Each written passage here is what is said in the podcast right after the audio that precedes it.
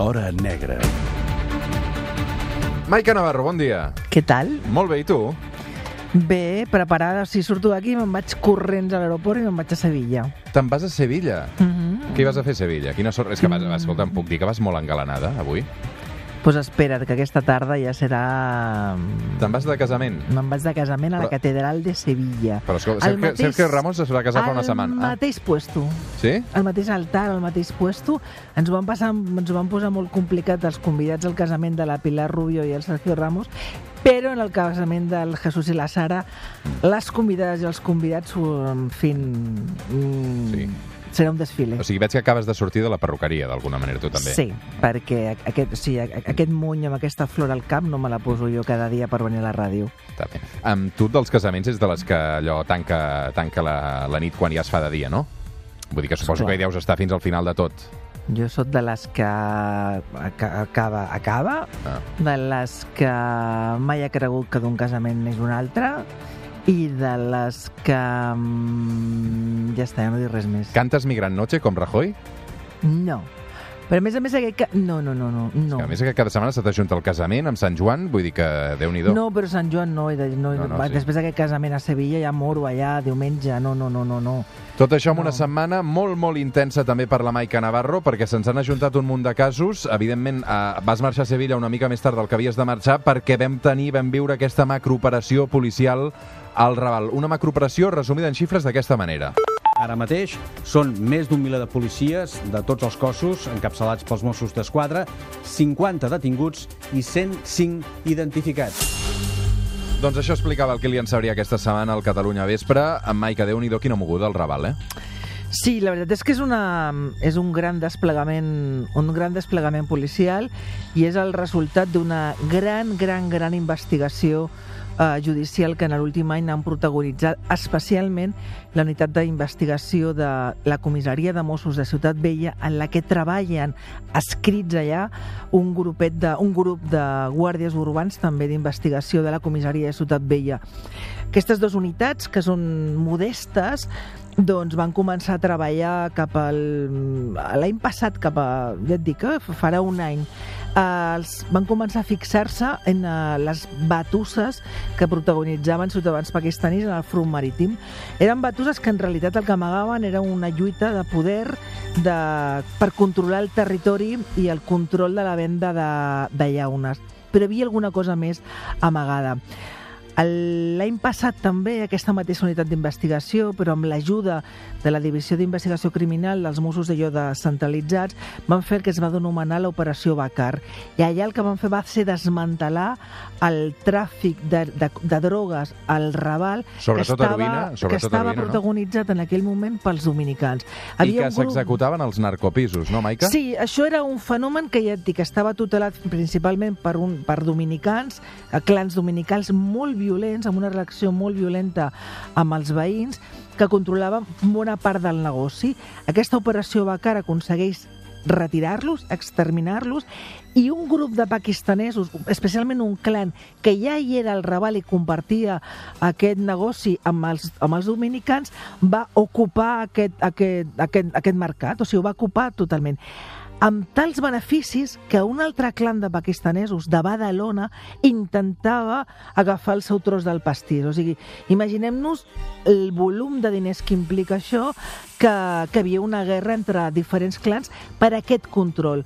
Aquesta unitat d'investigació, aquests investigadors comencen a fixar-se en aquestes batuses en el front marítim i comencen a veure que ja hi ha alguna cosa més que llauners que de manera amable t'ofereixen llaunes de cervesa a un euro al carrer. Això t'anava a dir. D'alguna manera, el que aixeca la llebre a la policia són um, aquests llauners que tenien comportaments més violents del que podia representar aquest negoci de, de vendre llaunes a un euro, Però que és el que passa, o mig batalles, euro. batalles entre ells a machetazos i a més a més amb una violència que era increixendo. Per tant, Am- si jugaven alguna cosa més que unes llaunes de cervesa, aquesta gent. eren el que aquesta investigació anomenada Suricat ha, ha, ha descobert és que aquí hi ha una organització criminal absolutament jerarquitzada, és a dir, amb uns rols molt definits, on hi ha un cap suprem i tot el, tot el voltant i de manera fins a baix, que a l'últim esglaó estaria el lleoner, i aquest lleoner és un, directament un de definir així com un esclau. I a més a més del negoci de tràfic d'heroïnes, heroïna, el cocaï, part de la cocaïna que també estava al Raval, i molt potenciador sexual, el que ja és... Potenciador sexual uh, vols dir uh, Viagra. Sí, Viagres i altres, eh, Popper i, altre, i altres pastilles que et venen a peu de carrer per, allò, per, com a estimuladors. Una mena de... No és la Viagra tradicional, sinó que són imitacions de Viagra absolutament il·legals, però que estan... Bueno, ja, de fet, a la incautació d'ahir, bona part del material és, és aquest, aquest producte.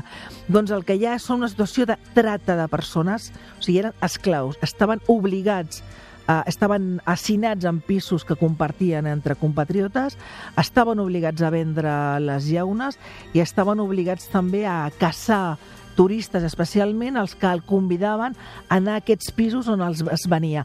Els, narcotra... els narcopisos ja no és, són un fenomen de, del Raval, això s'ha desterrat també.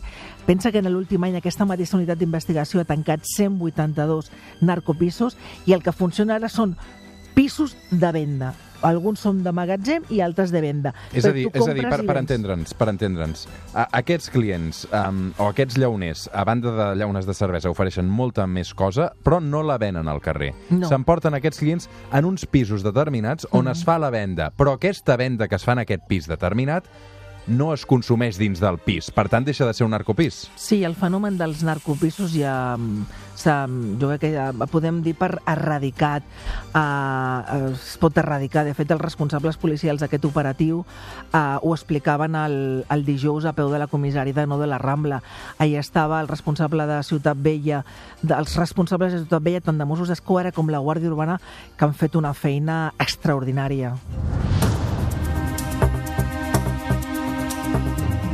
Avui amb la Maica Navarro, l'operació Suricata. Per què Suricata? Perquè això dels noms eh, és molt curiós i aquesta vegada també té un motiu determinat que, que m'agradaria que l'expliquessis. Sí, jo crec que hi ha, hi ha policies que són autèntics genis batejant eh, dispositius policials. Home, aquest té una història que jo crec que no és la millor.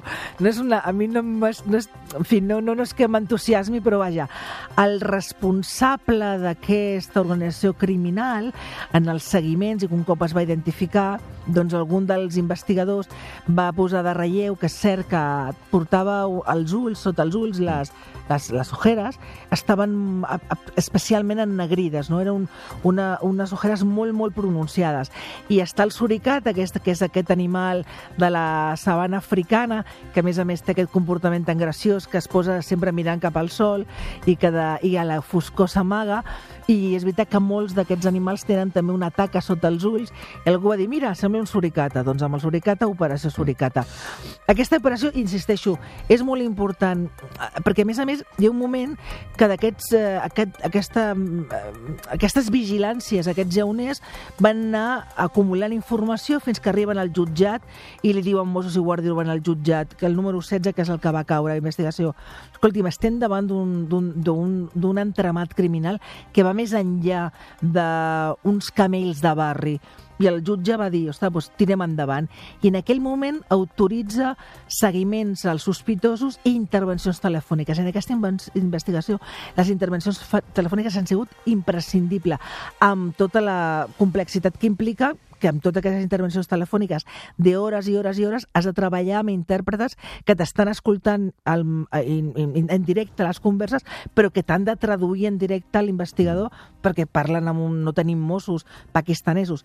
Fa dos mesos, també molt important i rellevant, la Policia Nacional, en el si del CITCO, aquest Centre Internacional contra el Crimen Organitzat i contra el Terrorisme, que tantes vegades Mossos havia reivindicat que havien d'estar ja com un membre més, doncs hi ha una coincidència. En aquest CITCO, cada investigador introdueix les dades de les investigacions que estan obertes i es va veure que Policia Nacional, o CRIF, la Unitat contra Xarxes de Falsificació i Persones de Barcelona, coincidia amb alguns objectius amb aquesta operació de Mossos de Suricata i es va decidir o sigui, doncs fer una cosa conjunta i des de fa dos mesos Policia Nacional s'incorpora al dispositiu Suricata. Des d'aquell moment comencen a treballar plegats, Policia Nacional més enfocada en aquesta vessant de tractament d'esclaus, de trata de persones il·legals i ahir el que va ser, bueno, ahir no, el dijous el que va ser va ser la culminació d'aquesta investigació dels mesos. A més a més, amb un, amb un dispositiu que tenia una logística impressionant. Més de mil efectius, els que van veure uniforme, els que no van veure de païssa i tota la gent que treballava redactant atestats per, per passar a disposició. Pensa que al final, el, aquest matí encara estaven fent detencions. Portem ja més de 100 detencions entre les penals i contra la llei d'estrangeria. I què és important de la participació de la Policia Nacional en aquesta investigació? Doncs la importància que té la Policia Nacional en aquesta implicació és la mateixa que ja vam veure amb l'operació Merlin dels georgians acusats de robatoris en pisos i que ja s'han extradit 30. Que en aquesta operació, com va passar amb els georgians, la Policia Nacional és qui té la mà d'estrangeria i d'aconseguir expulsar mm. persones amb antecedents i en situació irregular. Hi ha persones que deuen pensar que aquesta estratègia d'expulsió no deuen estar conformes, però amb els nivells de delinqüència que té aquests moments Barcelona, concretament el Raval, pels veïns i pels investigadors, treure's del mig quasi bé una cinquantena de persones amb antecedents per tràfic d'estupefaents és una situació de mm. que alivia molt a, eh, sí, al centre. El que passa és que el mercat sempre hi és eh, i tu ara explicaves que primer eh, hi havia aquest clan dominicà que va ser substituït immediatament per aquest clan pakistanès. Eh, la pregunta ara és qui ocuparà aquest buit? En aquests moments jo crec que els investigadors de Ciutat Vella, o sigui, els Mossos, Guàrdia Urbana, que són els que estan allà al carrer, no permetran a curt termini que cap clan s'instal·li. Però què passarà? què passarà i què, i què està passant ja aquest dissabte, aquest cap de setmana, i que si la setmana que ve vols entrevistar l'alcalde de Sant Adrià, allò que ja t'ho dirà, i ja va patir amb l'operació eh, Bacar amb els dominicans. Se'n va tot que a la mina. tot s'anirà a la mina. O mm. sigui que el, la, la migració cap a la mina dels consumidors és un, és un fet i, de fet, durant aquest cap de setmana ho explicaven responsables policials de Sant Adrià, policia local de Sant Adrià i veïns de la mina. Estaven horroritzats perquè Bueno, les administracions no estan donant una resposta. A més a més, recorda que la setmana passada va haver-hi una altra operació molt important, també protagonitzada per Mossos d'Esquadra amb Policia Nacional a Sant Cosme.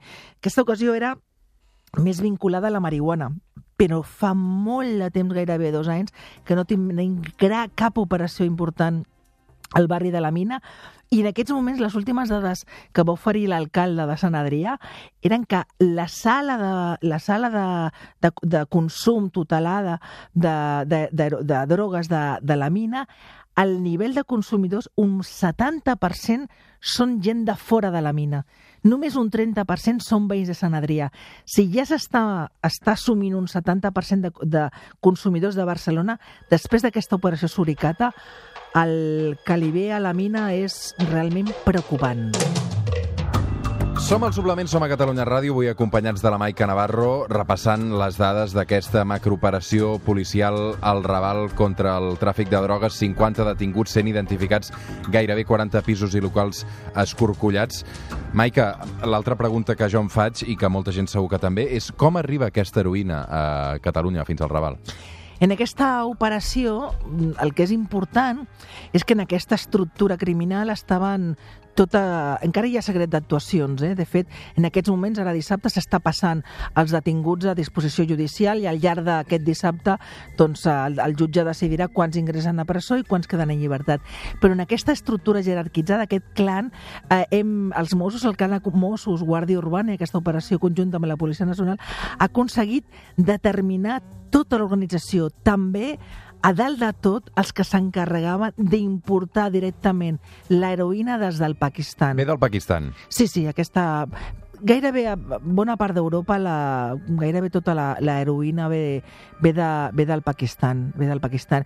I de fet, mm, el, i, i el Raval s'estaven vivint i els veïns t'ho explicaven el, el dijous, jo ahir també divendres vaig tornar a fer un vol pel barri una mica per, per veure com estaven els ànims dels veïns. Ja era una, un, un da, una dada rellevant.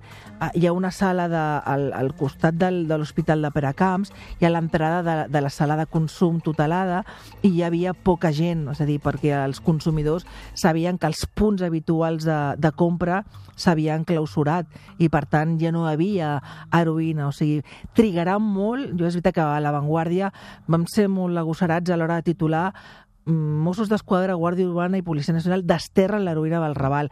És que durant molt de temps eh, serà molt complicat que cap clan es torni a instal·lar amb la capacitat que tenia aquest clan pakistaní. Hi havia hagut un repunt de tràfic i de consum d'heroïna a Barcelona aquests últims temps?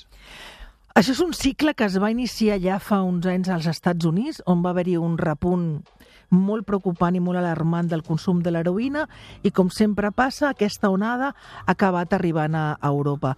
I és cert, o sigui, el consum de l'heroïna s'ha multiplicat. És cert que ha hagut un repunt també en consumidors nacionals, en consumidors autòctons, però sobretot el que ha hagut és molt consumidor estranger mm -hmm. que ha recalat a, a Barcelona per consumir i ha trobat una droga amb molta facilitat i amb molt, de bona qualitat i a bons preus. Per exemple, tu vas a la... Sí, turisme de drogues, fins i tot, sí, eh, a Barcelona. Sí, hi ha un turisme, hi ha, sí, sí, hi ha un turisme de droga. Hi ha molta gent dels països de l'est. Va haver-hi fa uns anys una gran onada de, de consumidors de, de Rússia. Aquesta, aquesta onada s'ha mantingut i, insisteixo, també hi ha gent que dona el salt a la, a la heroïna. I és cert que no s'ha... No, no, sé havia... si, no sé si podem tornar als anys 80, um, que bueno, jo, no, jo no sí, recordo, però, però he llegit. Jo et convido a anar quan vulguis, agafem el, la motxilla del micro i ens n'anem a la mina la setmana que ve i veuràs que la mina en aquests moments hi ha gent que s'atreveix a dir que és pitjor dels anys 80. O sigui, les imatges que jo vaig viure fa 20 anys a Cantunis que s'anomenava el supermercat, el principal supermercat de la droga a Europa, que eren aquelles cases que es deien cases baixes, que estaven a sota de la sota de Montjuïc, a l'altra banda de la Ronda, o sigui, sota el cementiri. Sí, que és la zona franca ara mateix. Sí, que allò es va desmantelar i es va fer la i es va fer espai de, per contenidors de, de zona franca, doncs allò que era una, un, una, un doncs allò era bueno, el supermercat. Doncs en aquests moments la mina, la convivència, els veïns que estan fora del mercat, que intenten i resisteixen eh, perquè no volen marxar d'un ba barri que reivindiquen la seva dignitat, doncs cada cop és molt difícil perquè el, bueno, és complicat veure patrulles uniformades eh, passejant pel barri, que si bé tota la feina la fa doncs, policia local de Sant Adrià, amb moltes dificultats perquè eh, s'han empoderat tant els traficants, algunes famílies i clans, i perquè totes les grans operacions que van fer en el seu moment Mossos d'Esquadra des de la comissaria de Badalona, doncs això es va deixar de fer eh, per falta de personal, per un munt d'implicacions, i ara ara és cert que ha hagut un canvi al capdavant de la comissaria de Mossos de Badalona entre un intendent, un nou intendent en Sàrries, i jo crec que té molts projectes i molta mm. feina a fer, i la mina és una prioritat. Mm. Evidentment, el que a mi em sorprèn, eh, com a, i com a periodista, jo a la Crònica de la Vanguardia vaig posar com a interrogant, mm, s'ha fet aquest gran operatiu Suricata al Raval, la meva pregunta és si algú es va plantejar què passaria a, doncs això, a la mina i si algú va comunicar a la mina que això es faria per, doncs, per donar més personal, implicar més personal doncs, a la sala de, de consum tutelat de, de Sant Adrià o per donar-li un, un tot d'atenció als companys de Mossos de Badalona o la policia local de Sant Adrià per dir-los que, escolta, vigileu perquè amb aquest cop de policial us ve un, això o alguns mani, Sant Cosme, eh, el Prat, la Verneda, Santa Coloma, en fi, és un, és un, és un, és un fenomen molt, molt, de moltíssima complexitat. Sí, sí. O sigui, tu acabes amb els, amb els clans que venen, Però saps que ara hi ha un pastís que algú el pot però, ocupar i però, si no no, estàs però no acabes amb els consumidors. Mhm. Consumidors que, escolta'm, ells intenten buscar la millor droga en el millor lloc i que hi ha una societat que, que té l'obligació, i així s'està fent, d'intentar que aquest consum sigui en les millors condicions, eh, sí, les millors condicions sanitàries. D'aquí que aquí vam ser pioners en, Sí, en tenir unes sales on el consumidor va, Sí, se n'analitza sí, sí. la sala, la, la, la droga i la, i la consumeix en unes condicions Mm. doncs, de seguretat per ell i per tothom. I per tothom. Doncs aquesta és la realitat que tenim, evidentment també a Catalunya, també a Barcelona, també a Sant Adrià. Eh, en parlem poc, però... Però quan vulguis però- fem el, No, no, fem que, el és, passeig que, a la mina. és que en tinc moltes ganes i aquí hi ha un tema més gran i ara, després d'això que m'has explicat, tinc moltes ganes d'entrevistar l'alcalde. Um, Maica, moltes, moltes gràcies, molta sort, que vagi molt bé per Sevilla aquests dies. Sí, Uh, gaudeix de, també d'un Sant Joan una mica diferent. ja, llàstima que no em puguis acompanyar. No, bueno, faríem, una, tinc- faríem una parella perfecta. Sí. Has estat eh, mai a Sevilla? He estat a Sevilla i m'encanta. Has Més d'una vegada, més d'una vegada, més d'una no has vegada. estat de, de boda a Sevilla. No, de boda no, però vaig fer allò tan... És que ara explicaré Digues, una... digues, digues, digues. Vaig fer allò tan... Cotxe caballos. típic- Sí, ho vaig fer. Pues perquè ho, Maria Luisa. ho vaig fer i sóc un anti tot això, eh? No, no, no, no, però jo ho he fet també. Ho vaig fer, ho vaig no, fer. No, no, jo he fet, Vam per, jo he fet perquè de. Maria Luisa amb els meus pares amb cotxe de cavallos. És meravellós, eh? Jo no ho vaig fer amb els meus pares, però ho aquesta fer? és una altra història. Dia, que vas, explica'm. no, vull No dir- tenim secrets, tu i jo, Roger, ja no ho sé. Vull dir que molt maco el cotxe de cavalls. Maco. Vas Maco, enamorar? molt Estaves maco. enamorat en aquell moment? En aquell moment sí, però mira, l'amor l'amor se'n va. La menor dura el que dura la primavera. Correcte. Ah, bon estiu, eh? I, i, no, home, bon estiu de què? Ha començat a Sí, l'estiu. però la setmana que ve hi tornes, eh? Però ha començat l'estiu. L'estiu comença quan marxem de vacances, jo encara no me'n vaig de vacances. I ara m'has de dir on vas. Bueno, ja en parlarem un dia. Adéu. Maica Navarra, una abraçada, que vagi bé, fem una Que pausa i tornem, tornem al suplement.